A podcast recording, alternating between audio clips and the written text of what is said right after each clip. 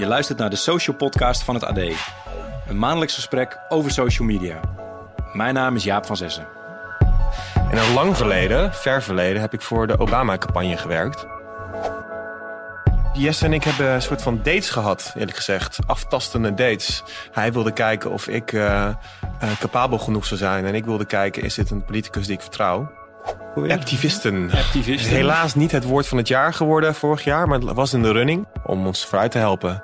Ja, om ons ja. trending te maken op Twitter of om een uh, video te delen op Facebook. Nou, het enige wat wij dachten is, we moeten niet uh, een enorme Jesse-show of uh, een GroenLinks-show ervan maken, want dan het is gewoon een onafhankelijk documentaire. Maar Jesse maakt meestal gewoon zelf de foto, zelf de tekst voor zijn eigen Instagram-post.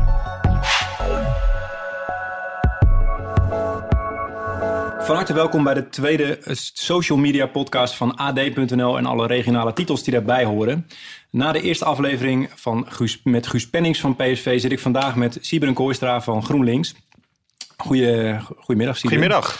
Leuk dat je er bent. Uh, we praten in de social podcast over social media bij organisaties of met mensen die iets doen met social media, wat ik als social media analist enorm interessant vind en waarbij ik benieuwd ben hoe organiseer je zoiets met als je als zoveel mensen een mening over je hebben, zoveel mensen zeggen iets, hoe hou je dingen in de gaten? Mm -hmm. Daar gaan we een gesprek over hebben. Uh, dus van harte welkom. Ik ben, uh, ik ben heel benieuwd. Ik, uh, wil je jezelf even voorstellen?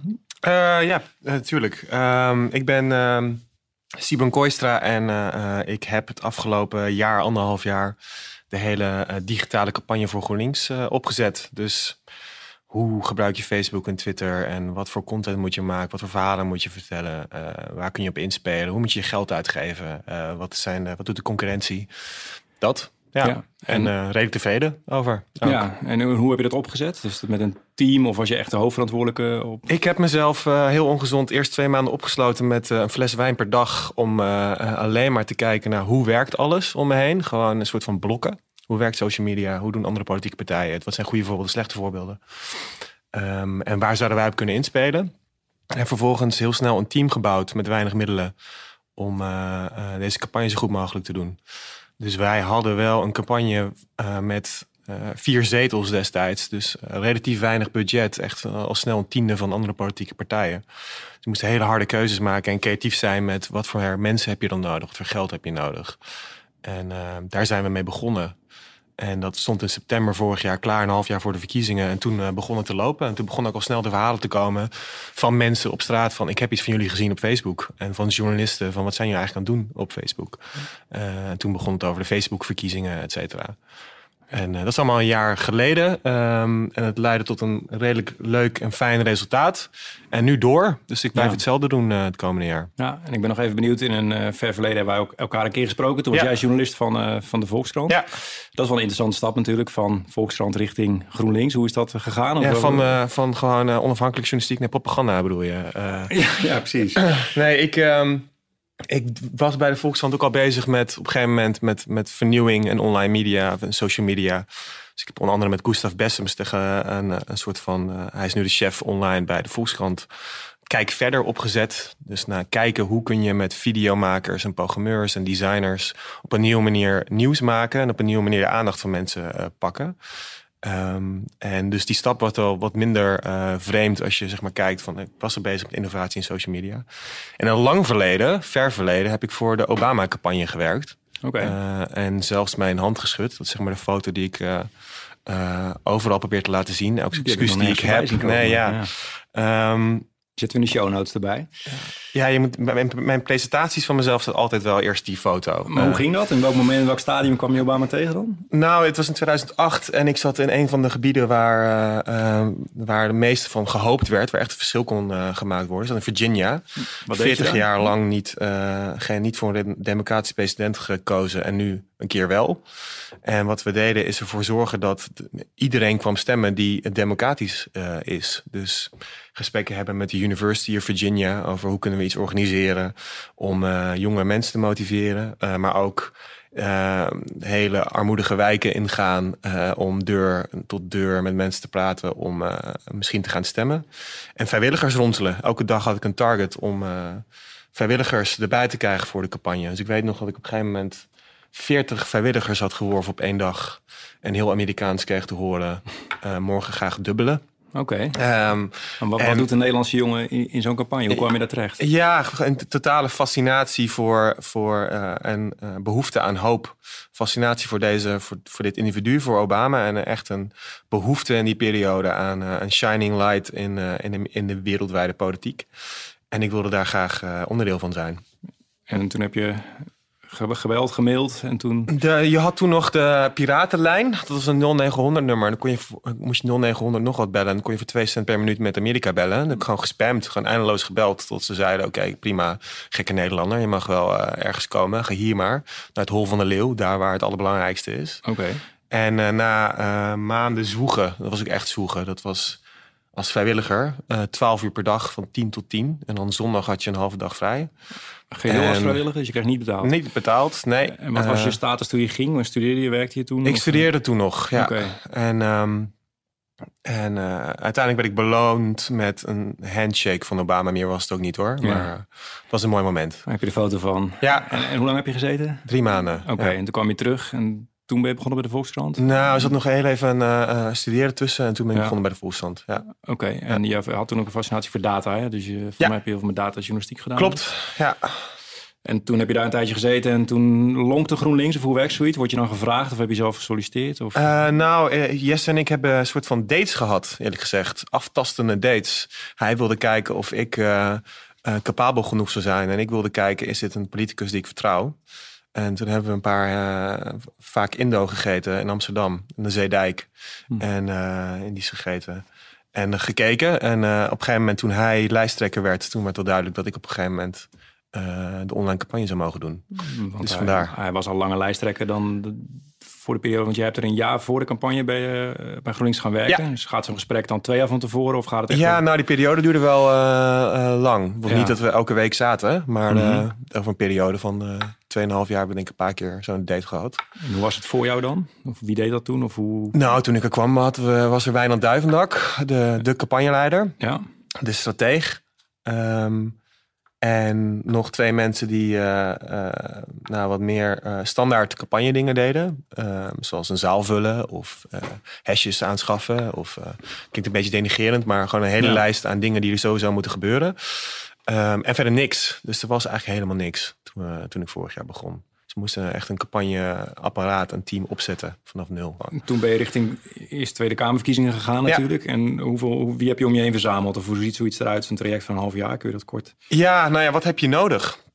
Dus je hebt iemand nodig, dat was mijn analyse, je hebt iemand nodig die ongelooflijk georganiseerd is, die alles bijhoudt, die weet, ik moet op dit moment moet ik een Facebook eh, post doen, ik moet erop letten dat er geen fout in staat, ik moet erop letten dat de tekst boven de fold staat, zodat je niet eerst moet uitklappen, Ehm, er moet geen hangende pixels in de video zitten. Ehm, en ik moet ervoor zorgen dat niet iedereen op onze Twitter kanalen kan komen, maar dat we daar een bepaalde overzicht aan houden. Nou, iemand die gewoon dat de hele tijd doet. Ik heb iemand nodig die eh, tijd en moeite kan steken in het activeren van mensen. Dus eh, we zijn een WhatsApp-lijn begonnen. We, we zijn gaan mailen met onze vrijwilligers naar iemand die daar heel erg op zit. En we hebben een creatief team nodig. Ik heb iemand nodig die video's kan maken. Eh, en ik heb iemand nodig die kan vormgeven. Ehm, en ik heb iemand nodig die voor mij de advertising kan doen. Facebook advertising. En dat was dan het, dat, het, het kern van het team. Waarbij iedereen 80 uur in de week ging werken. Omdat het eigenlijk veel te weinig was. Ja. Maar dan heb je wel de juiste talenten in huis om op social media goed te kunnen, te kunnen functioneren. En wat me ook wel verbaast dat Jesse alleen die gesprekken deed met jou. Dus het is niet dat er een heel team is waardoor je een ballotagecommissie door moet. Nee. Gewoon, eh, het Nee. was dus echt zijn campagne en hij Ja. wilde de mensen om zich heen verzamelen. Ja, En hij kwam bij jou uit.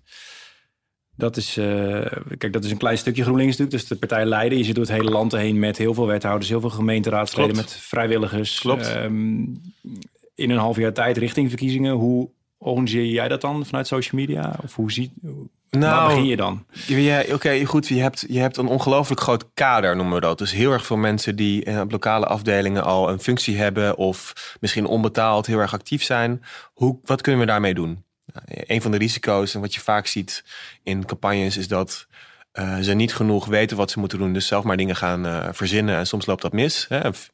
Zoveelste filmpje van GroenLinks van een paar eh, boomknuffelende naakte hippies. Ja. Dat wil je niet hebben, want dat zijn we helemaal niet. Eh, maar je hebt er altijd een paar mensen tussen zitten. En als die weer een video gaan maken, dan komt het op pauw nieuws. En dan Ja, ga je negatief firewall ja, op Dumpert. Ja. Ehm, en wij wilden ze meenemen in een gedeeld verhaal van dit is waar we heen willen. En we hebben jullie daarvoor nodig. Dus wij hebben trainingen georganiseerd, bosdagen. Gewoon met een paar honderd man ergens in de bossen zitten en uitleggen waar we heen willen en waarom. En, uh, en bier bomen, drinken met elkaar, zodat we elkaar leren kennen. En ze meekrijgen een gedeeld idee en van, van hoe we een campagne moeten voeren. En uh, wat voor bijdragen ze kunnen leveren. En dan zeg je ook van die bomen heel specifiek. We willen geen bomen knuffelen op, op beeld hebben of zo? Of... Uh, nou ja, ik weet niet of dat op die manier zo expliciet... Ik denk dat ik zo'n soort grap wel heb ja. gemaakt, ja. ja. Um, iedereen kent die voorbeelden. Ja. Um, en elke partij heeft dat soort voorbeelden. Hele negatieve clichés van een partij die worden versterkt. En in deze tijden van beeldcultuur wordt een negatief cliché. Dus iets wat al ja. een idee dat mensen al enigszins hebben van je. Als dat opeens heel full frontal ergens te zien is, dan gaat het natuurlijk altijd vaarwel. Ja. Dus je moet daar heel erg op letten. En, maar jouw naam staat erboven, dat jij die campagne doet. Stel je voor dat er nou iemand, in ik noem maar wat, in een of andere plaats... dus een boom gaat knuffelen, dan sta jij voor joken... terwijl je er eigenlijk weinig aan kan doen. Ja. En hoe beperk je dat, behalve een training? Kun je het nog ergens bijsturen? Uh, nee, dat uh, volgens mij uh, niet. Ja, je kunt vragen om het er meteen offline van te halen. Ja, ook één ding kun je wel doen. Dat hebben we een paar keer ook gedaan. Um, een grap maken. Dus uh, op een gegeven moment werd er bijvoorbeeld Lubach. Die kwam met uh, ergens volgens mij net na de zomer vorig jaar met een filmpje uh, heel erg creatief geknipt van Jesse en Obama. Waardoor het leek dat Jesse de speech kopieerde van, van Obama. Niets is minder waar trouwens, maar goed, het leek zo. Mm -hmm. um, en ik zou het ook geloven als ik het niet van, zo, van dichtbij had gezien hoe het werkte. Daar kun je heel verontwaardigd over doen of zo. Of boos over doen of zuur.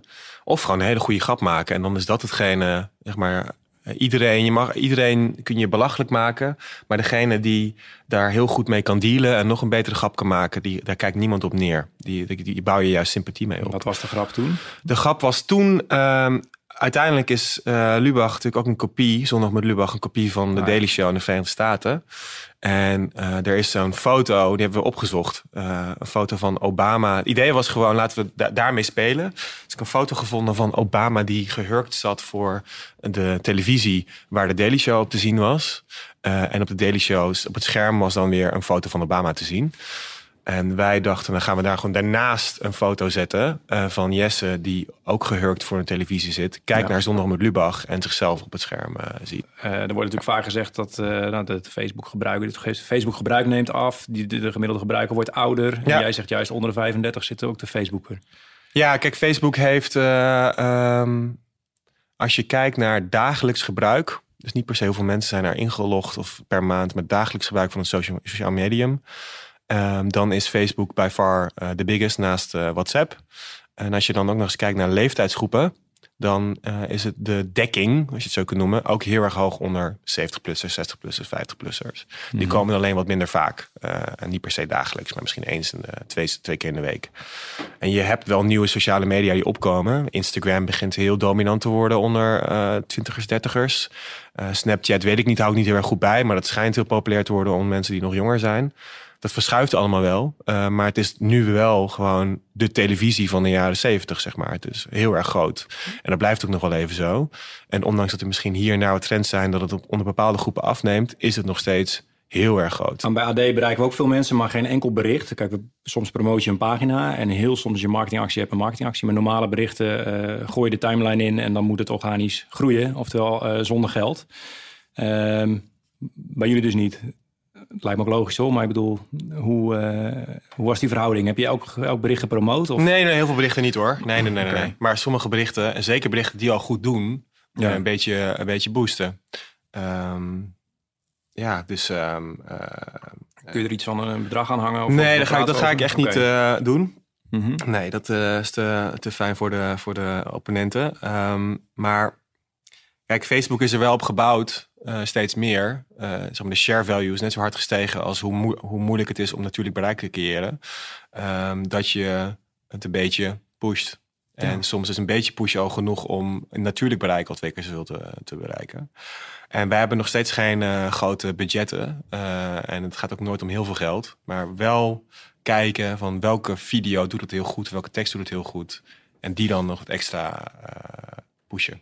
En dan niet gericht op een bepaalde groep mensen, maar Mhm. gewoon gericht op die anderhalf miljoen mensen in eerste instantie die al vaker onze berichten lijkt. En, eh, Daarmee, daarmee richt je dus ook op je eigen fans ja, dus dat, je ik dacht dat nu, nu komt Ja. deze vervolgvraag. Nou, dat is niet heel. Dat, kijk, ik had een soort regel: 10% van mijn tijd en aandacht gaat ook naar PVV-stemmers bijvoorbeeld.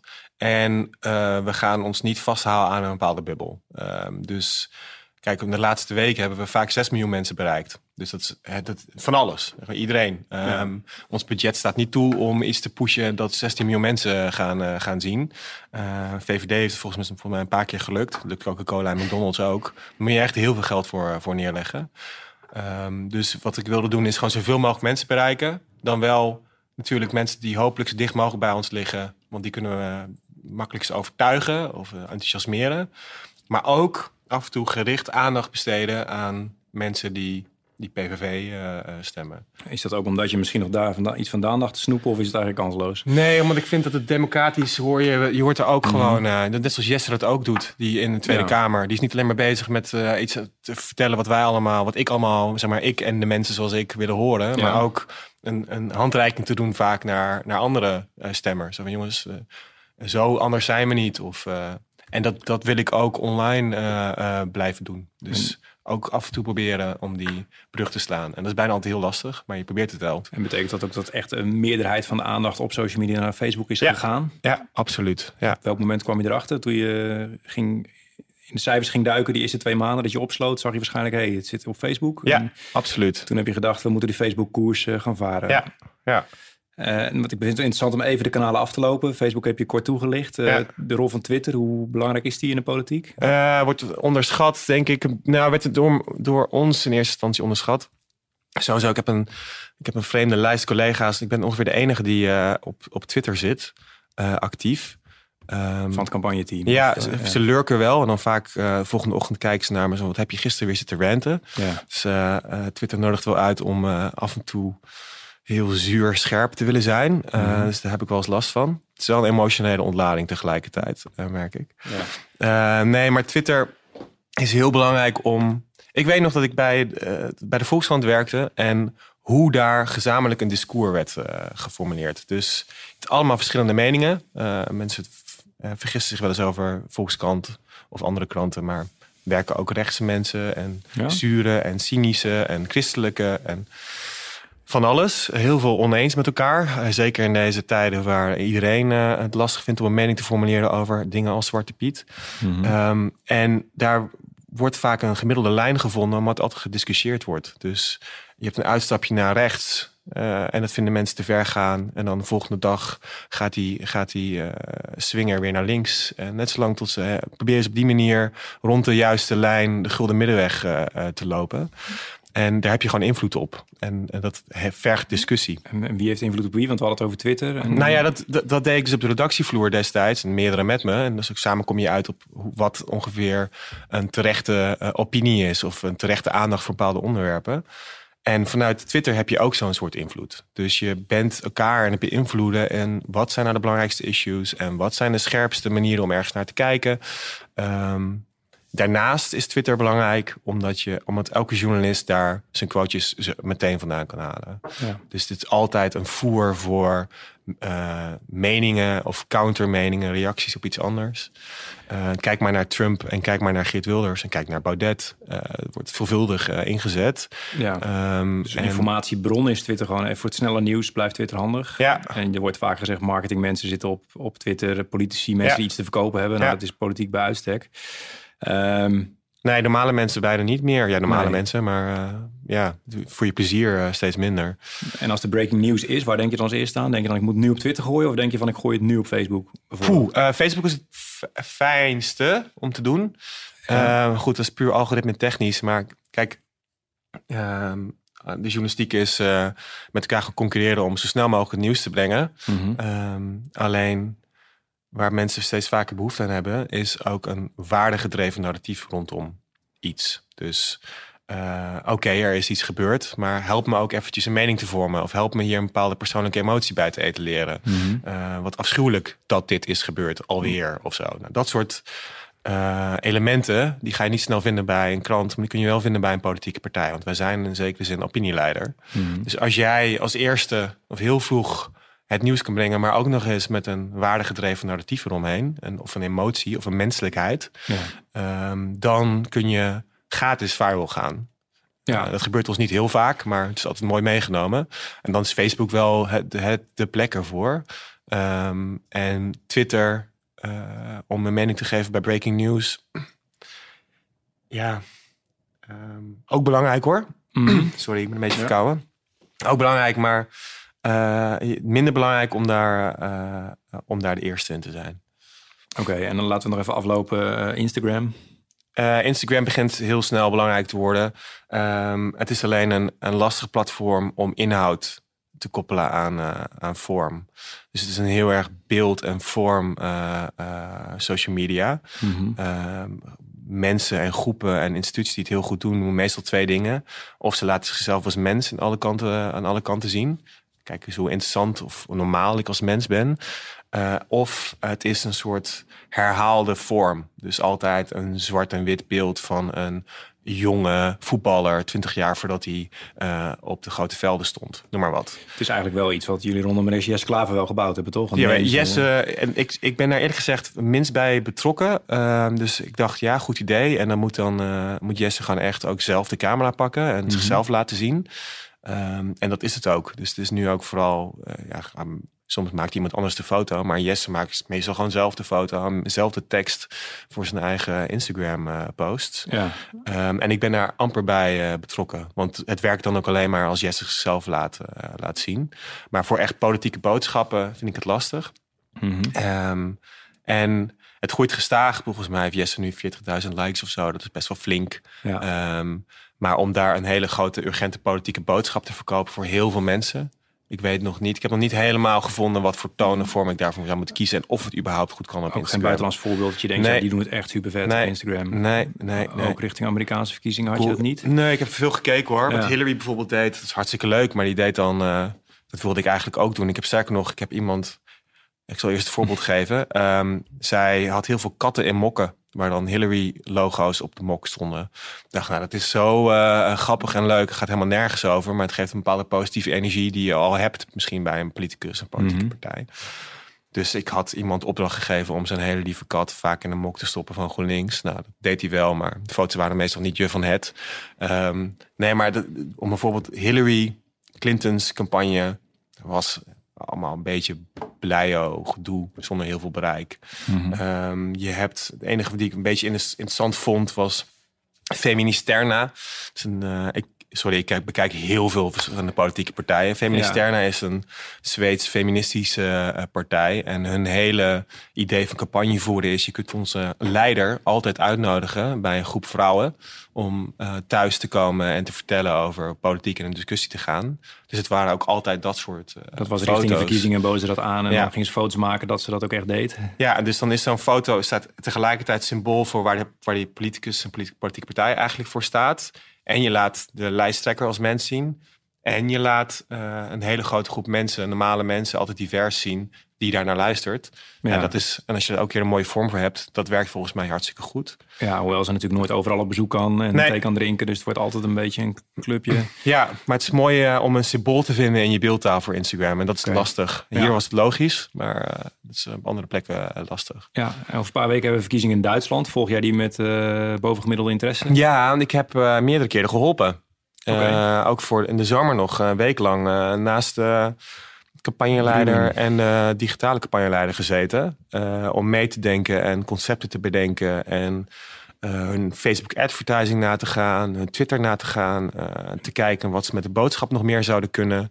eh, lessen proberen mee te geven. Betekent dat ook dat ze Nederland als voorbeeld zien? Of dat wij het beter doen? Of hoe, hoe Nou, je zult, je zult, als je het zo goed volgt als ik, dan zie je dat ze inmiddels op een punt zijn gekomen dat veel van onze video's bijna letterlijk gekopieerd zijn door ze. Ehm, maar ze doen het dan wel een stuk minder goed. Oké. Ehm, dus een land dat acht keer zo groot is, minder bereik dan het bij ons eh, heeft. Ehm, zij proberen in vorm uh, dichtbij te komen wat we deden, maar het is vaak net niet goed genoeg. En ze struggelen heel erg met wat ze nou precies willen vertellen. En als jij struggelt met wat je wil vertellen, dan kun je het nog heel erg mooi verpakken, maar dan werkt het niet, uh, niet Bel je ze dan op en zeggen, jongens, dit uh, kan echt beter? Af en toe heb ik een soort mail rant, elke twee weken ongeveer. Van jongens, nog een paar weken laten we doen. en geweldig dat, jullie, dat ik dit en dit al bij jullie zie. Maar, en dan een eindeloos lange maar. Ehm, maar het is lastig uh, voor ze. Een van de lastige dingen bij veel politieke partijen in andere landen heb ik gezien, en vast ook voor andere politieke partijen in Nederland het geval, is dat het heel erg hiërarchisch is. Dus mensen die niet social media niet begrijpen, gaan dan over, uiteindelijk over social media. En gaan zich bemoeien met hoe een video eruit moet zien. Of uh, Ehm, een tekst dood controleren tot het helemaal veilig is en, uh, en niet meer persoonlijk is. En je mist de snelheid dan? Je mist de snelheid. Het kan drie dagen duren. Ik weet nog een voorbeeld van een PvdA-campagne dat iemand zei van een tweet die ik wel heel erg goed vond, creatief. Uh, maar heel erg vage timing. Zeiden ja, dat komt omdat Dijsselbloem had gezegd. Uh, moesten nog langs Dijsselbloem.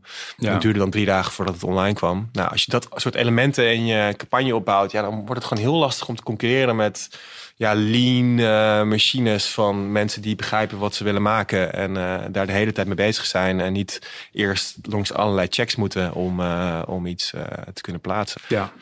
Oké, okay. want wat mij verbaast, want ik ben richting verkiezingen een paar keer gevraagd, veel wat vind je ervan op social media? Nou, ik, ik, bij AD, ik zei het in de vorige podcast ook, dan hebben we, uh, Facebook is net zo belangrijk voor AD. En dan uh, is het eigenlijk, dacht ik van tevoren toen ik dit gesprek voorbereidde, nog belangrijker dan voor GroenLinks. Omdat uh, ja, AD heeft verkeer naar de website nodig. Ja. En GroenLinks heeft dat niet. Nee. Het gaat jullie echt om exposure, denk ik. Ja. Dus in die zin heeft uh, AD nu nog weinig aan Instagram, omdat je daar uh, ja, weinig uh, traffic vandaan haalt. Ja. we gebruiken het natuurlijk wel, we zijn er wel aanwezig, maar qua, ja. qua verkeer en doelstellingen hebben we er geen zak aan. Ja. Daarom had ik verwacht dat Instagram misschien wat belangrijker was, omdat er wel best wat bereik zit. En wat me ook verbaasde is, als je echt de cijfers ging kijken op Facebook. Jullie deden het in de statistieken met VVD samen qua bereik heel goed. Ja. Alleen ja, wat je zelf ook zei, ik ben een jaar voor de verkiezingen gestart. Uh, wat ik me echt afvroeg was van wat als jullie twee jaar geleden al gas hadden gegeven, dan hadden jullie echt met afstand de grootste geweest ja. kunnen zijn. Ja. Uh, want wat dat zag je nu ook op Twitter is nog qua volgersaantallen uh, vier keer zo groot als Facebook voor de meeste partijen. Alleen op Facebook gebeurt dit. Ja. Oftewel, hè, wat hebben we, vier politieke partijen hebben vier jaar lang zitten slapen, dacht ik. Ja, um, om eerst in te gaan, um, dat, het, dat je zou denken dat het voor AD meer uh, sens mm -hmm. maakt, omdat je uiteindelijk mensen naar je website wil leiden. Wij hebben, uh, hadden een soort regel, uh, always ask. Namelijk, bijna elke post die we hadden ging gepaard met een link. Om mensen niet alleen te engageren of misschien inzicht te geven. Uh, maar ook te verleiden, of in ieder geval de mogelijkheid te geven, om, om onderdeel te worden. Dus is iemand inmiddels geëngageerd, dan is hier de link om vrijwilliger te worden of de e-maillijst, uh, op de e-maillijst te komen of misschien te doneren. En dat is wel iets waarbij wij vanaf de zomer uh, die enorme hoeveelheid uh, donaties en die enorme hoeveelheid vrijwilligers mee hebben opgebouwd. Dus voor ons was die link ook heel, uh, heel belangrijk. En dan ligt misschien uiteindelijk het websitebezoek via social nog hoger dan bij AD, denk ik. Omdat eigenlijk dus meer dan de helft kwam waarschijnlijk via social binnen. Ja, er, komt niet, er, komt, er zijn weinig mensen die ja. s ochtends denken, ga even GroenLinks.nl intikken. Voor het nieuws. Ja, nee. precies. Um, en een ander, die je tweede vraag over, had ik, hadden we eerder moeten beginnen. Uh, ja, sure. We hadden we, dat was nou eenmaal niet zo. En ik denk ook niet dat we daar de middelen voor, uh, voor hadden. En uh, Jesse was ook nog maar een half jaar lijsttrekker. En nou goed, allemaal redenen waarom het niet eerder plaatsvond. Aan de andere kant, nou, je ziet iemand als Baudet die later begint, of Denk die later begint. En alsnog ook wel een scherpe social media campagne uh, kunnen voeren. Dus het had eigenlijk niet uitgemaakt als je vier eerder begonnen was? Natuurlijk, ja, for sure. Wel. Ja, ja, ja. Had minder wijn hoeven drinken ook aan het begin. Ja. Ook rustig kunnen, kunnen uitvogelen.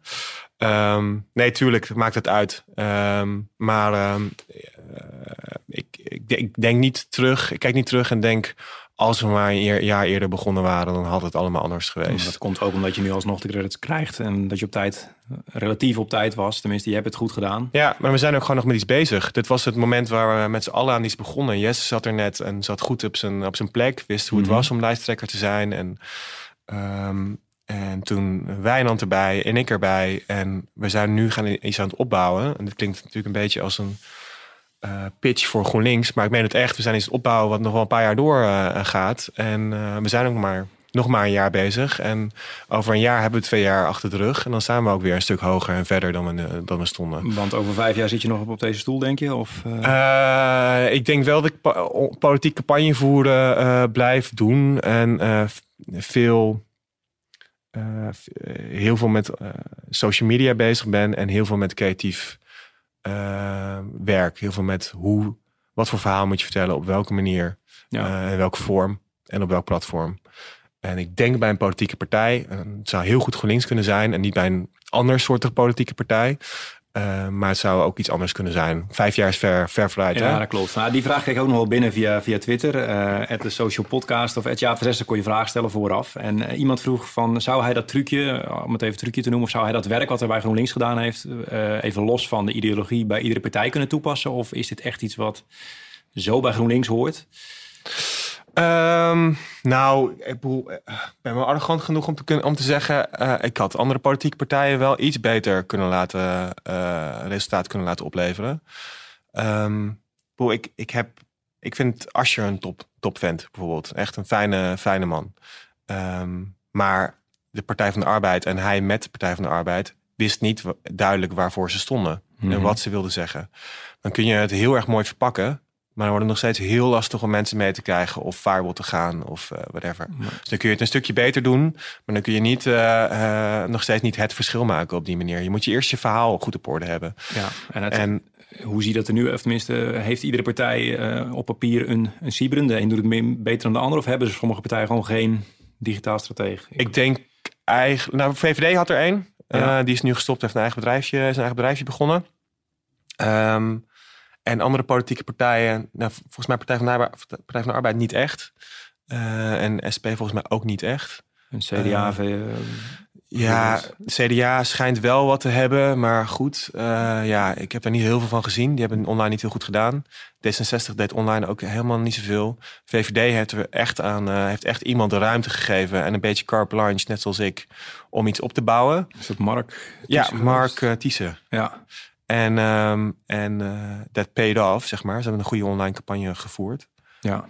Um, dus ik weet het niet. Uh, nee, dus geen netwerk van uh, dat jullie dus een, een klein kliekje die elkaar wel kent. Ons kent ons, nee. Ik bedoel, ja, tuurlijk, ik kom, ik kom wat vaker op borrels waarbij uh, andere mensen van andere politieke campagnes tegenkomt. Maar nee, ik ken niet iedereen van andere politieke campagnes of hoe die instituten eruit zien intern.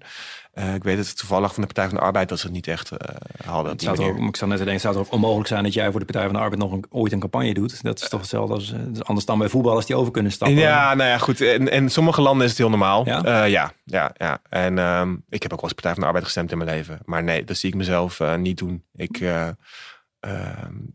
waar, waar, waar we nu voor staan en, en welke mensen deze kar trekken, daar, daar kan niemand tegenop. Ja, in, in, hoeverre drijft de ideologie jou? Of uh, het, het, zal geen vetpot zijn, tenminste in eerste instantie. Nee. Qua, qua, qua, salaris. Dus tenminste, je zei net al van ik ging daar werken ook vanwege de, de gedachte. Tenminste, bij Obama ben je dat gaan doen. Ja. Ik neem aan dat geld geen drijfveer is nu. Nee, ik had bij de volksstand dat betreft beter. En zou het nog beter krijgen. Nee, ja. um, geld is geen drijfveer. Nee, um, ik, ik wil heel graag positief impact maken. En uh, ik zou het liefst in de wereld leven waarvan ik denk, oh, al mijn ouders, onze ouders generatie heeft allemaal al lekker opgelost. En ik kan nu gewoon uh, rondreizen en chillen en mezelf ontdekken. Want uh, de wereld, met de wereld komt het toch wel goed. Um, maar dat idee heb ik niet echt. Dus dan moet, dan moet, je, maar, dan moet je maar aan gaan staan. Mm -hmm. En aan de andere kant vind ik het ook gewoon echt leuk. Ik vind het echt leuk om na te denken over hoe kun je al die mensen die waarvan wordt verwacht dat ze gaan niet meer de straat op, waarvan wordt gedacht, uh, die interesseren zich niet in de politiek, ongelijk bewijzen door het op een bepaalde manier te vertellen uh, en te brengen dat mensen wel aanhaken en er wel wat mee gaan doen. Dat ja. vind ik een ontzettend leuke uitdaging, elke keer opnieuw. Oké, okay, en nou heb je het inderdaad over positief, negatief, of tenminste invloed op mensen hebben. Ik zie bij AD, je bereikt heel veel mensen, wat een positief bericht kan doen, ook wel negatief de eerste paar maanden kwam ik best somber thuis af. Toen ik dacht van, jongens, wat negatief. Op elk bericht wat je ook plaatst, wordt negatief gereageerd. Ja. Dus in die zin, positiviteit en social media, gaan die wel samen dan? Of... Dus ik bedoel, social media leidt eigenlijk tot, nou ja, misschien wel meer negativiteit. Kun je mm. ook discussiëren. Maar... Ja. Of het zo is. Dus of je bijdraagt door op social media. Nou ja, kijk, de mensen die de moeite willen nemen om blijvend te reageren, Mhm. Ehm, dus commenten of onder een tweet uh, of mensen lastigvallen op Twitter. Dat zijn vaak mensen die uh, daar uren aan kunnen besteden. En, en zo'n heftig in een bepaalde emotie zitten. Dat ze het altijd blijven doen. Maar mensen die wat minder heftig van aard zijn. En gewoon geïnspireerd raken. Of gewoon heel leuk vonden. Of gewoon mooi vinden. Die houden het bij een like of een hartje of een smiley face. Het zijn die zure mensen die dan uh, echt de moeite nemen om berichtjes eronder te zetten. Dus dat vertekent heel erg. Als je naar comments gaat kijken dan lijkt de wereld echt afschuwelijk. Als je naar likes gaat kijken, valt het meestal wel weer mee. Ja, ehm, dus die nuance wil ik wel echt uh, aanbrengen. We hebben genoeg zure reacties gehad onder heel veel uh, berichten. En wat we hebben gedaan is, we hadden een, een webcare team opgezet om gewoon echt het gesprek aan te gaan ja. uh, met die mensen.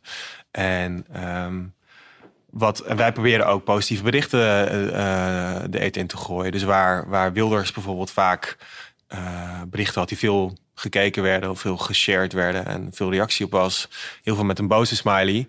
Hadden mhm. wij uh, heel veel hartjes. Uh, dus wij inspireerden mensen. En volgens mij kun je ook met positieve emoties viral gaan en veel mensen bereiken. Alleen in de comments zul je altijd zure dingen blijven zien. Dat gaat gewoon niet weg. En hoe uh, bereid je mensen voor die een politieke carrière willen, ook al is het heel lokaal, op die reacties? Want ik kan me voorstellen, als je de politiek in wil, dat dit afschrikt. Ja. Doen jullie daar iets mee? Of, of is dat ondervinden? Nee, dit is de eerste keer dat ik over nadenk. Of je mhm. daarmee... Uh, nee. Nee, want er zijn veel mensen die ik... Uh, ja, het zijn geen echte vrienden van me, maar een soort van Twitter-vrienden die van Twitter zijn gegaan of tijdelijk weggaan. Of, ik vind het altijd jammer dat Femke Halsema van Twitter is gegaan. Ja. Um, en ik snap dat heel erg goed.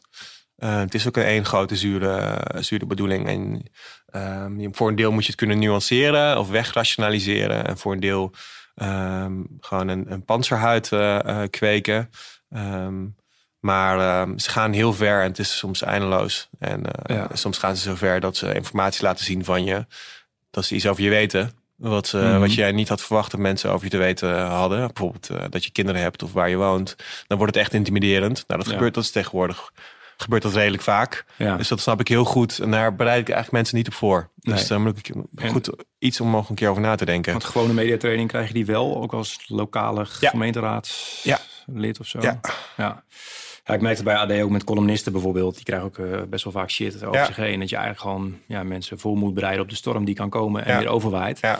Dus ik was benieuwd hoe jullie dat, uh, dat deden. Um, ja, het, het, is interessant. We hadden net nu, we hebben nu Instagram gehad, Twitter en Facebook. Um, dan hebben we ook nog YouTube, Snapchat. WhatsApp. Wil, wil ik ook nog even in. Ja, dan kun je afvragen of social media is, toch? Ja, we hebben het wel als, als dusdanig ingezet. Ja, want daar ben ik ook wel benieuwd naar. Dat jullie echt, hoe noemen jullie mensen ook alweer? Activisten. Activisten. Helaas niet het woord van het jaar geworden vorig jaar, maar het was in de running. Ja. Dus door een collega van me bedacht, Leon Boelens.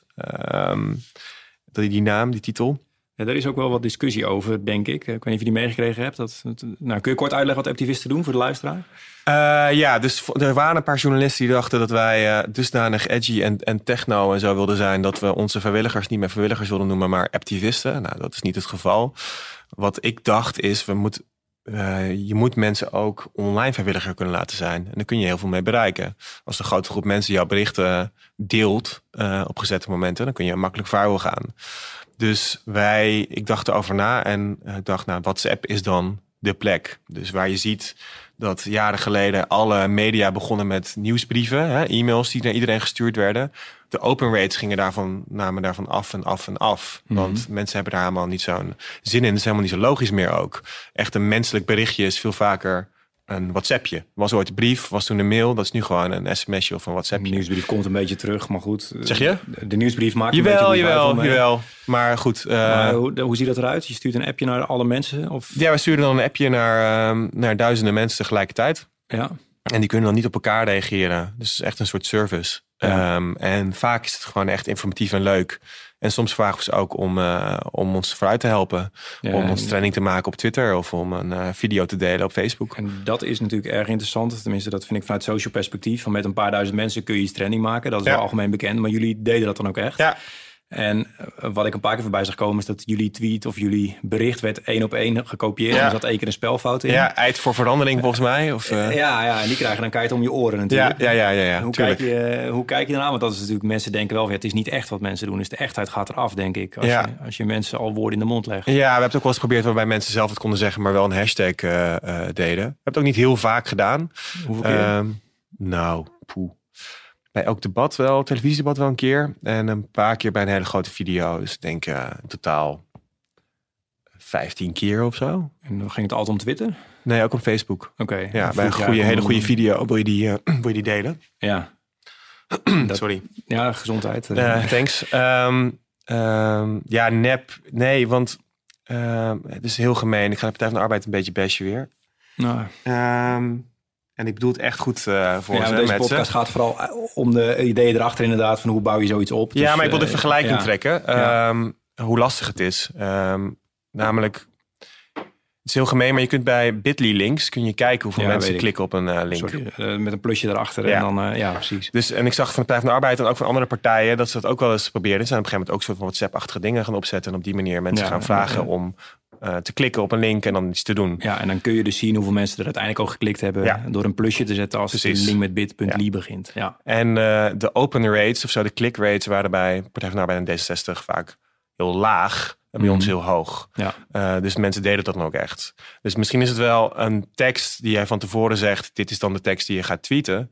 Maar het werkt ook alleen maar, en mensen doen het ook alleen maar als zij dat op dat moment voelen of het klopt. Ehm, en dus ik vind het wat minder nep dan. eh, ik snap dat het nep gevonden wordt, maar tegelijk denk ik: het werkt ook alleen maar als een hele groep, groep mensen denkt: ja, wij gaan dit tegelijkertijd zeggen, want wij vinden dit allemaal tegelijkertijd. nu. Ja, Nou, ik denk dat het best wel zou kunnen als we over tien jaar terugblikken op de campagnes nu en wat er nu gebeurt. Dat dit een voorloper is van wat je straks, wat de fake news discussie, of die er eigenlijk al is, maar die we ook gaan krijgen. Ehm, het is namelijk heel slim om eh, het, het debat te kapen met likes en met, Ja, met retweets en dat Ja. soort dingen. En dat doe je eigenlijk, ik denk als een van de eerste. Want ik ken die voorbeelden niet dat je hele groepen mensen hetzelfde laat twitteren en het dan trending krijgt, zowel op Twitter als op Facebook. Nee, maar goed, de meeste voorbeelden van de afgelopen jaren gaan over alt-right. eh, en hoe die op Reddit en op 4chan, op Facebookgroepen elkaar vinden om tegelijkertijd te zeggen: we gaan deze persoon kapot maken op Twitter of we gaan dit delen. Ja, dat is een beweging. Ja, ehm, ik bedoel, ehm, ik, ik mag Wiert persoonlijk, maar als ik hem eh, hard aanpak op Twitter om iets wat hij gezegd Collega heeft, dan wie krijg, Duk, eh, bedoel je? ja, dan krijg ik meestal een hele grote groep mensen tegelijkertijd over me, over me heen. Ja, Ehm, dat hoeft niet geregistreerd te zijn, maar het zijn wel mensen die zichzelf registreren om, om eh, een bepaalde gedeelde, gedeelde vuist te maken. ja.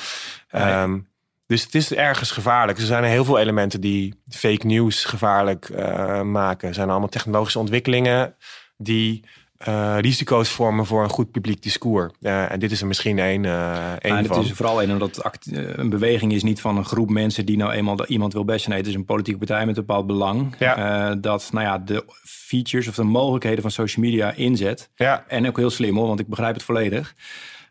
Ja, om, om nieuws te maken. Ja. Want ehm, ik merkte toen ik bij het AD binnenkwam bijvoorbeeld. Iedereen zat toen naar TweetDeck te kijken en, en Hootsuite op Twitter om nieuws te vinden.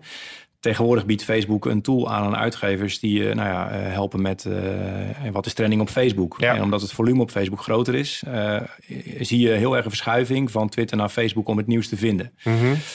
Dus je kan met een flink aantal neplikes, eh nou bij AD-berichten weet je, als ze goed lopen, dan verschijnen ze op Linda Nieuws, bij wijze van spreken. Ja. Ja. dus als je dat met berichten doet, eh, je gooit een hoop neplikes tegenaan, dan neemt Linda Nieuws het waarschijnlijk over. ja, ja, ja. Bijvoorbeeld, als Ja. je dat spelletje kent, en die ken jij, ja.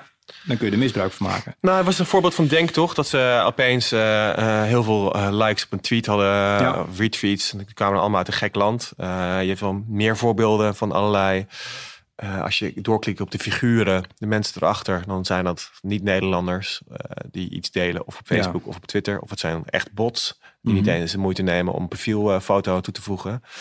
Ehm, ik snapte het, ehm, eh, het gevaar, eh, absoluut. Kijk, wij hebben eh, aan onze afgelopen campagne heb ik nooit iets gedaan. Hebben wij nooit iets gedaan van ik dacht, we zijn nu iets aan het misbruik of we zijn nu een onwaarheid aan het vertellen of uh, wat dan ook.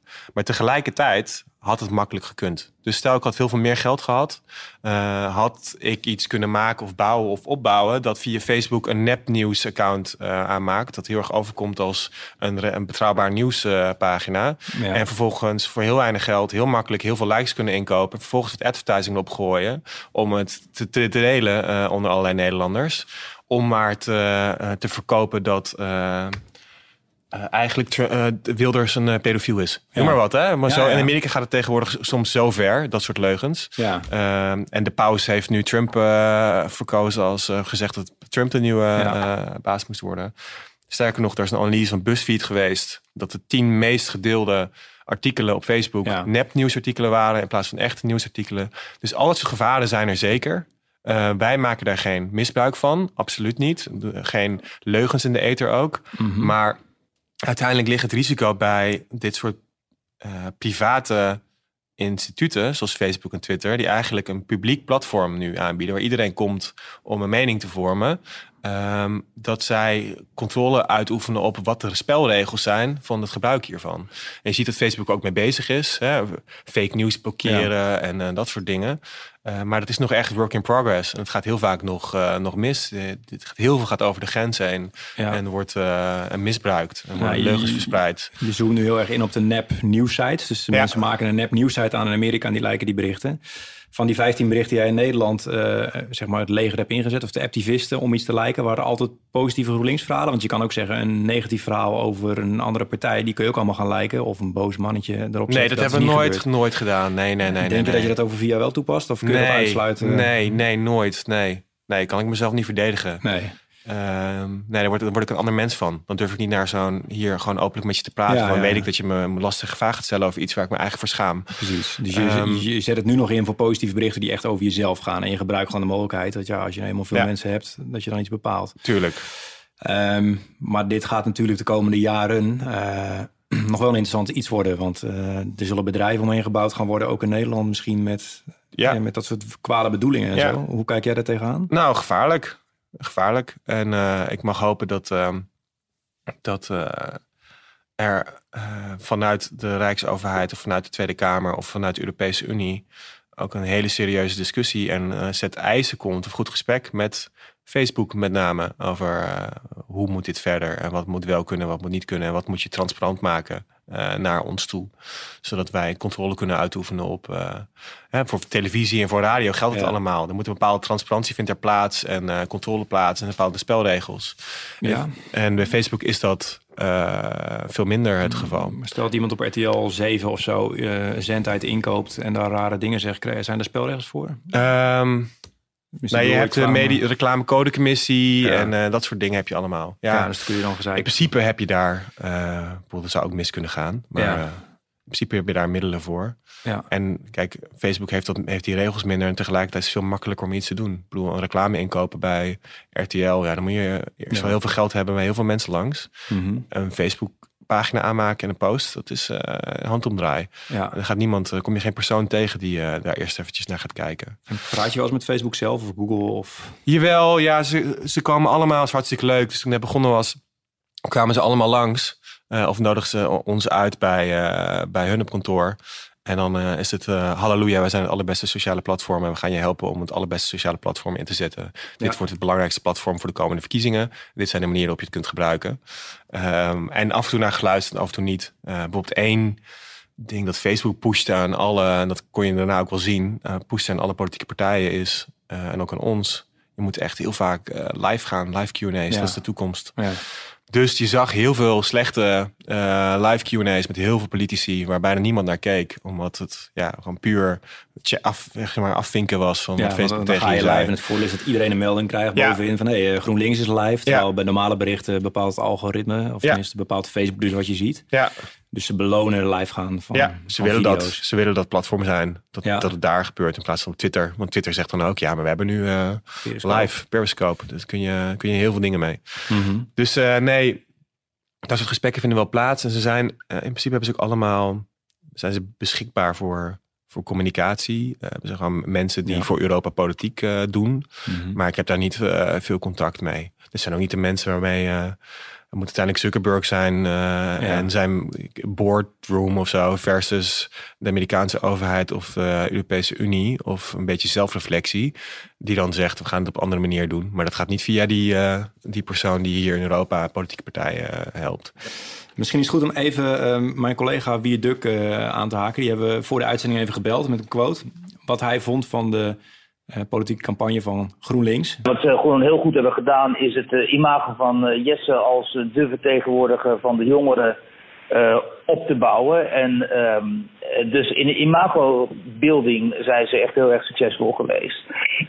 in, inhoudelijk niet, want dat speelde bij hen een veel minder belangrijke rol. Terwijl ik zou denken dat juist in deze tijd inhoud ook heel belangrijk is. Maar ze hebben dus eh, van Jesse Klaver eh, gewoon de verlosser van links eh, weten te creëren. En dat is bij, daar zijn een heel groot aantal mensen gevoelig voor geweest. Hier reageer ik heel graag op. Ga je gang. Ja, nou ja, goed. het, is natuurlijk een herhaald frame dat het allemaal uh, persoonsverheerlijking is en, en, geen inhoud. Oh man, weet je wat een van de beste video's was? Het meeste gezien? En uh, vooral ook heel veel jongeren keken het hele video uit. Het was vier minuten lang. Jesse voor een bluescreen die uitlegt wat de essentie is van onze politieke boodschap. Wat zijn de keuzes die wij willen maken? Uh, het hele idee dat wij niet met inhoud bezig waren. Wij hebben video's viral laten gaan waar Jesse een kwartier lang uh, met vluchtelingen, of met, sorry, met uh, PVV-stemmers. Uh, Wie een scoop? nee, nee, nee, met PVV-stemmers aan, het aan het praten was. Gewoon normaal aan het praten. We hebben een video gemaakt waar Jesse, omdat voor ons vluchtelingen een belangrijk issue was, naar Griekenland ging, naar vluchtelingenkampen en niet zien hoe het daar was. Wij waren ontzettend bezig met, uh, met inhoud. Wij hebben ook meer dan menig andere politicus lange teksten door Jesse laten opschrijven en op Facebook uh, geplaatst en, en gedeeld. Het is een frame die op ons geplakt is. En dat is erg logisch, hè? want we hadden popzalen. En Jesse is een knappe jongen en charmant. Dat wij niet dat we één losse, de ene lege huls waren voor, voor persoonsverheerlijking en, uh, en goede belichting.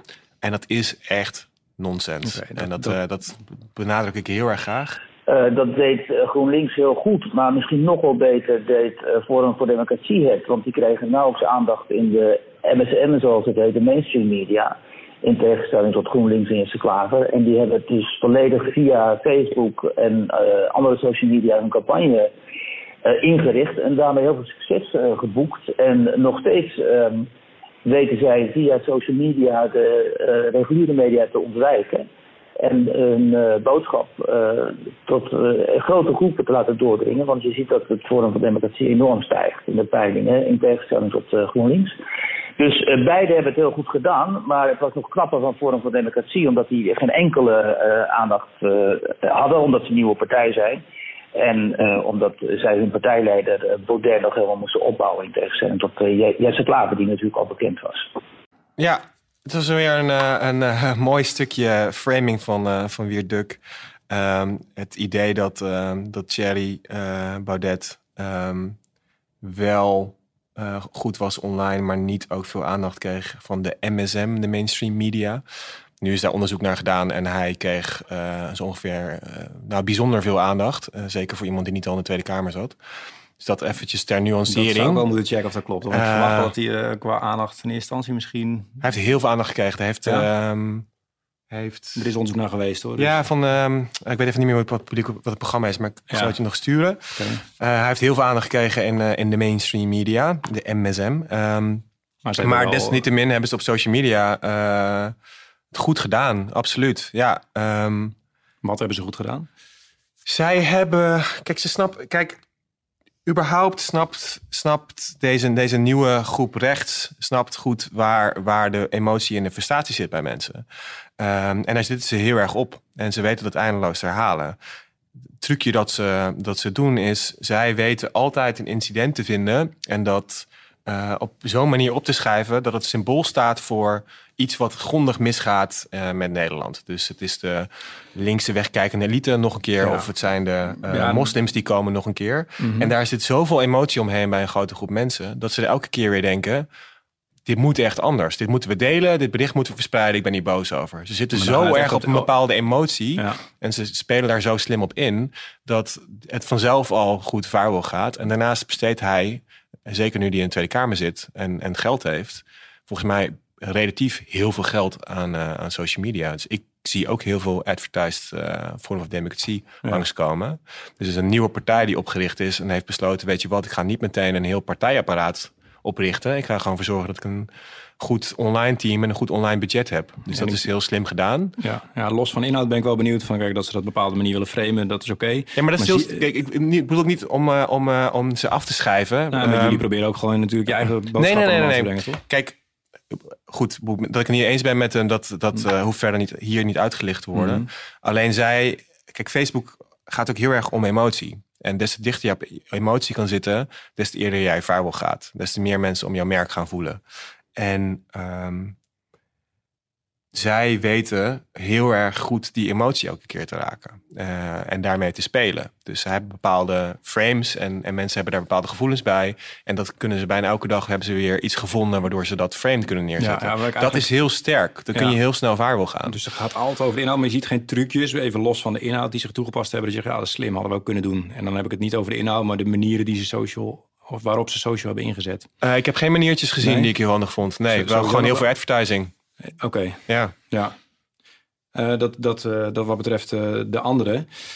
Ik wil nog een paar dingen weten. Ehm, kun je misschien iets zeggen over de verhouding van als je een, een campagne voert, marketing, hoeveel traditioneel en digitaal iets over de verhouding? Of kun je iets over zeggen? Hoe ver is digitaal belangrijk aan het worden? Of is het al belangrijk? Eh, marketing bedoel je dan Met marketinggeld, geld? Nee. campagnegeld. Dus hoeveel besteed je aan nou ja, de kranten en tv en hoeveel aan online? We hebben bijna niks aan kant en tv uitgegeven. Nee? we hebben één keer een advertentie ingekocht. Dus eigenlijk draait het al heel erg op digitaal en online. En, één, en twee krantenpagina's ingekocht op, eh, op eh, verkiezingsdag. Mhm. En de rest... eh, en stationsposters hadden we. En online. We hadden überhaupt heel weinig geld. Hè? We moesten het echt hebben van mensen die ons bericht gingen verspreiden. En mond op mond. En... eh, ehm, want we hadden daar niet de budgetten voor. Ja. Maar als je dan vervolgens gaat kijken naar wat kost wat, dan was online wel een heel stuk goedkoper dan eh, televisie of, eh, of krant. Dus daar hebben we meer aan uitgegeven. Oké. Ehm, wat ik ook nog even wil bespreken, de afgelopen weken eh draaide het in de media in ieder geval heel erg om de documentaire van Jesse Ja. Klaver. Hoe kijk je daarop terug? Hij is uiteindelijk uitgezonden op Blendel. Is het verhaal nu niet eindelijk voorbij? eh? Eh, nou ja, voor de mensen die willen het waarschijnlijk wel even weten hoe je dat vanuit eh, met social media bril naar kijkt. Ja, nou ja, ik kijk er, kijk in eerste instantie kijk er vanuit een persoonlijke blik naar. Joey is iemand die ik enorm bewonder en mag. De, de documentaire maken, Joey Boy, Boink. Die heet niet eens Boink, want er, wordt, er werd zondag bij Lubach werd er nog een mooi grapje over gemaakt. Ja, maar- want hij maakt een documentaire, hij, hij werkt bij GroenLinks. Maakt een Werkte bij GroenLinks, ja, en, ehm, eh, en niet meer. En ehm, ja, ik vind het heel pijnlijk om te zien hoe, hoe zo'n zo'n jongen die ik heel erg mag en bewonder, zo onderdeel wordt, de bal op het eh, voetbalveld eh, wordt. Ehm, maar vanuit social media, kijk, wij hebben daar echt, we hadden daar geen invloed op. Dus ehm, ik had geen invloed op hoe de documentaire eruit zag. Ik had hem niet gezien van tevoren. Dus ik kon ook niet soort van bedenken wat we dan gingen zeggen. Of waar de risico's zouden zitten. Of wat, wat dan ook. Vervolgens ehm, zou het op televisie eh, komen. Nou, het enige wat wij dachten is... we moeten niet eh, een enorme Jesse-show of eh, een GroenLinks-show ervan maken. Want dan het moet dus gewoon onafhankelijk documentaire. En vervolgens werd het enorm opgeblazen en ging het toch niet op omroep. En dan zou het nergens meer mogen. En dan werd het weer teruggekocht. En dan zou het op Blendel komen en in, in, in bioscopen en in Carré. En ik heb eigenlijk de hele tijd een beetje met mijn hands tied zitten kijken. Omdat ik dacht, ja, als ik hier onderdeel van ga worden, als wij hier al heel wat mee gaan doen, dan is dat ook meteen ook onderdeel van het verhaal rondom deze documentaire. En dat moeten we niet willen. Eh, laat deze documentaire alsjeblieft zijn wat het is, zonder dat het, eh, zonder dat GroenLinks, hoe die ermee omgaat, een rol erin begint te spelen. Ehm, en maar dan zag je tegelijkertijd dat als ik maar ergens aandacht gaf aan een documentaire, in een mail of een Facebook post, dat ik wel meteen journalisten in mijn Twitter feed kreeg van. eh, eh, is het nou wel handig dat jullie hier aandacht aan besteden? En het is toch, zie je nou wel, het is wel een GroenLinks feestje. Dus dat was interessant om te zien eh, eh, hoe gevoelig het was. Een beetje stil blijven zitten. Ja, je laat scheren. Ja. En, ehm, Maar je ook niet van je ook niet gek laten maken. Dus gewoon autonoom je eigen boodschap vertellen. Maar wel in carré verschijnen, Ja. toch? Ja. Dus ehm, En, en die mediastorm waait over en... Tenminste, die, tenminste, Nou ja, goed, je kan hem nog bekijken natuurlijk. Ik, kijk, ik, ik denk uiteindelijk, ik denk, ehm, het is echt fijn dat we zoveel gratis aandacht hebben gekregen, zo lang in, eh, in de kranten waren. Eh, en het is ergens jammer dat het zo gehyped en geframed werd, dat het een soort negatieve lading heeft gekregen. Eh, dat mensen die er in eerste instantie heel enthousiast over waren, na zoveel over te horen, dachten, maar vond het wel, vond het wel oké. Ehm, en dat er zoveel kritische opmerkingen van tevoren werden geplaatst. Dat heel veel mensen dachten, ja, ik heb hem nu wel gezien, maar ik weet niet of het nou propaganda was of een echte documentaire. Dat vind ik allemaal jammer. Ja. Ehm, ehm, en ik vond het, maar ik vond het ergens ook wel weer even leuk om gewoon twee weken lang te zitten en te kijken wat er gebeurt en er zelf niet mee bezig te gewoon even gewoon achterover geleund. Ja. Ehm, ja, dus ik, ik, ik kijk er vooral op terug van blij dat het voorbij is en dat we zo meteen gewoon ons eigen verhaal kunnen vertellen en dat het is- daarover gaat. Je had er geen campagne voor klaar liggen van, oh, het komt over een paar weken. en, Nee, eh, nee, nee. er iets nee, mee doen. Nee. het was niet heel je werk in duigen viel. Nee, het enige wat ik... Ik heb een soort regel dat als er nieuws is rondom GroenLinks... dat ik dat altijd zo snel mogelijk, liefst als eerste wil delen met onze achterban. Dus zo snel mogelijk een mail eruit en zo snel mogelijk een WhatsApp bericht. En, en dat vond ik heel jammer, dat we er geen controle over hadden. Dat ik ook niet onze eigen achterban die met vragen zit of een mening wil vormen, niet kon informeren op tijd. Dat wij ook gewoon een beetje achter de feiten aan, Mhm. eh, aanwandelden. Nu je dat zo noemt van eh, informeren van de achterban, eh, wil ik nog even terugkomen op één post toen de formatie niet, niet lukte eigenlijk. Toen zag ik eigenlijk een best wel grote lap tekst zonder beeld van nou, Jesse Klaver daarbij van nou, de, de formatie is mislukt en eh, hier en hierom. Ja. En daar zat geen beeld bij, terwijl je juist wel heel erg ervoor op beeld zat. Eh, weet je nog waarom je dat toen zo gedaan eh, hebt of waarom het zo gedaan is? Ehm, ja, ik denk, nou, ik had te maken met vermoeidheid. Ehm, van het campagneteam van Jesse zelf, ehm, denk ik. Dat we niet ook nog de moeite dachten, eh, wilden nadenken over misschien een video en waarom wel, waarom niet. Dat is helemaal niet te sprake gekomen. Wij wilden gewoon ons verhaal snel op, face, op social media hebben. Het was geen heel bewuste keuze om dat zo in Nee, te doen. dat was het niet. Nee. Oké.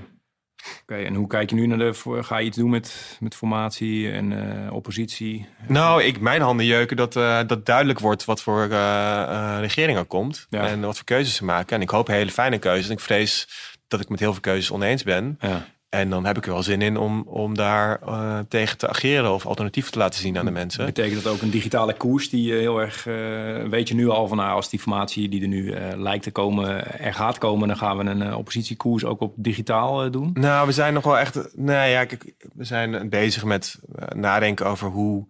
Wat, wat, wat is ons verhaal? Eh, hoe kunnen we nog beter uitleggen of nog specifieker maken waar we voor staan? En dat heeft ook altijd te maken met vergelijkingen trekken. En die vergelijking trekken kan nog niet echt, want we weten niet echt hoe die, eh, wat die regering gaat doen. Wat speerpunten Eh, worden? Nee, dus het is echt toch. eh, we hebben nog een sessie volgens mij volgende week, volgende week om een beetje met elkaar te brainstormen over wat we denken dat ze gaan, gaan doen. Maar we weten het echt niet. Nee. En pas als het er is, dan weet ik duidelijk, oké, wat voor verhalen kan ik, kunnen we vertellen en hoe gaan we ons hiertoe verhouden. Ja. En daar heb ik wel weer zin in. En eh, ik, ik zag ook een van de beste berichten richting eh, verkiezingen was eh, een filmpje over de VVD. Van VVD waarom niet geloof ik, Ja. of zo stond er. Ja, Dat is een beetje bashen, toch? ja de, V- de, de titel was VVD doe, norm- doe punt normaal punt. Ja, dat zag ik. Dat die heeft heel goed gedaan. Maar je gaat de komende vier jaar, ja, als je wil scoren, dan kun je natuurlijk bashen. Ja, dat kan. Ja, dus dat sluit je niet uit. Je zegt ik wil positief blijven of zo.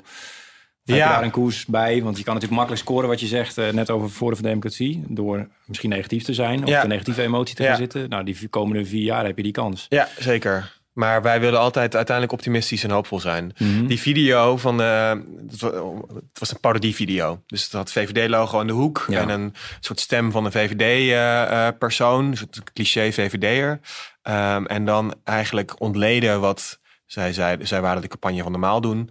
Wat dan de VVD-versie van normaal doen is, als je echt kijkt naar hun beleid. Nou, die de parodie, daar hebben we lang op gezeten. Ehm, want de afweging tussen wat is grappig en wat is gemeen, wat is eerlijk en wat is zuur, Mhm. dat is gewoon lastig als je zoiets eh, gaat maken. Waardoor we er echt lang mee bezig eh, eh, waren. Ja. Ik heb weinig mensen gesproken die het een zure of oneerlijke of verneinige of gemene video vonden. Ja. En uh, zo'n toon wil ik ook nooit aanslaan. Dus dat hoeven we niet te verwachten de komende... Nee, als je zo'n toon wel wil aanslaan... helemaal zo'n VVD-parodie-video hadden we een uur kunnen maken. Dan kun je gewoon alle frustraties die je ooit hebt gehad... gewoon ongeremd... Uh... Je weet dat het viral gaat zonder geld waarschijnlijk. Ja, maar nee, dat is niet wie we zijn, waar we voor staan. Nee. nee. Um, en wat betreft mooie dingen van social media... dan gaan we het zo afronden. Wat... Um, wat is jou bijgebleven als echt, dat, dat heb je sinds je aanstelling gedaan, dat is je, je mooiste, warmste herinnering, anekdote, waarom social media toch zo mooi is en niet alleen maar een bron van ellende? Um, ja, ik heb zoveel hoogtepuntjes. Um,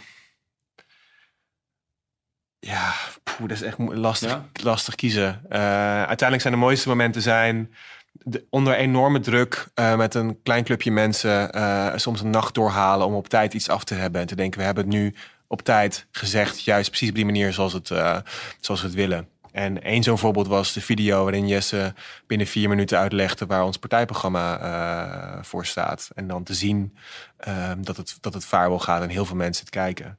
Maar ik ben ook heel trots op dat ik samen met Wijnand op een gegeven moment een mail schreef, echt uit, uit het diepst van ons hart uh, begin vorig jaar, uh, begin dit jaar, uh, over, over waarom, we, waarom we mensen vragen om mee te doen. En dat die mail het ontzettend goed deed. Dat er ongelooflijk veel vrijwilligers zich aanmelden. Ongelooflijk veel geld binnenkwam. Omdat het vanuit, echt vanuit mijn en, en uh, Wijnands hart kwam. Dus heb ik meerdere, meerdere momenten. Of. De televisiedebatten. En dat je dan alles wat Jesse goed heeft gedaan, ook op Twitter nog weet te versterken. Of nou goed, ja, kan ja, eindeloos doorgaan. Ik kan me voorstellen. Dan wil ik nog even weten, want volgend jaar krijgen we gemeenteraadsverkiezingen. Ja. Uh, heb je daar nu al een plan voor liggen? Ja.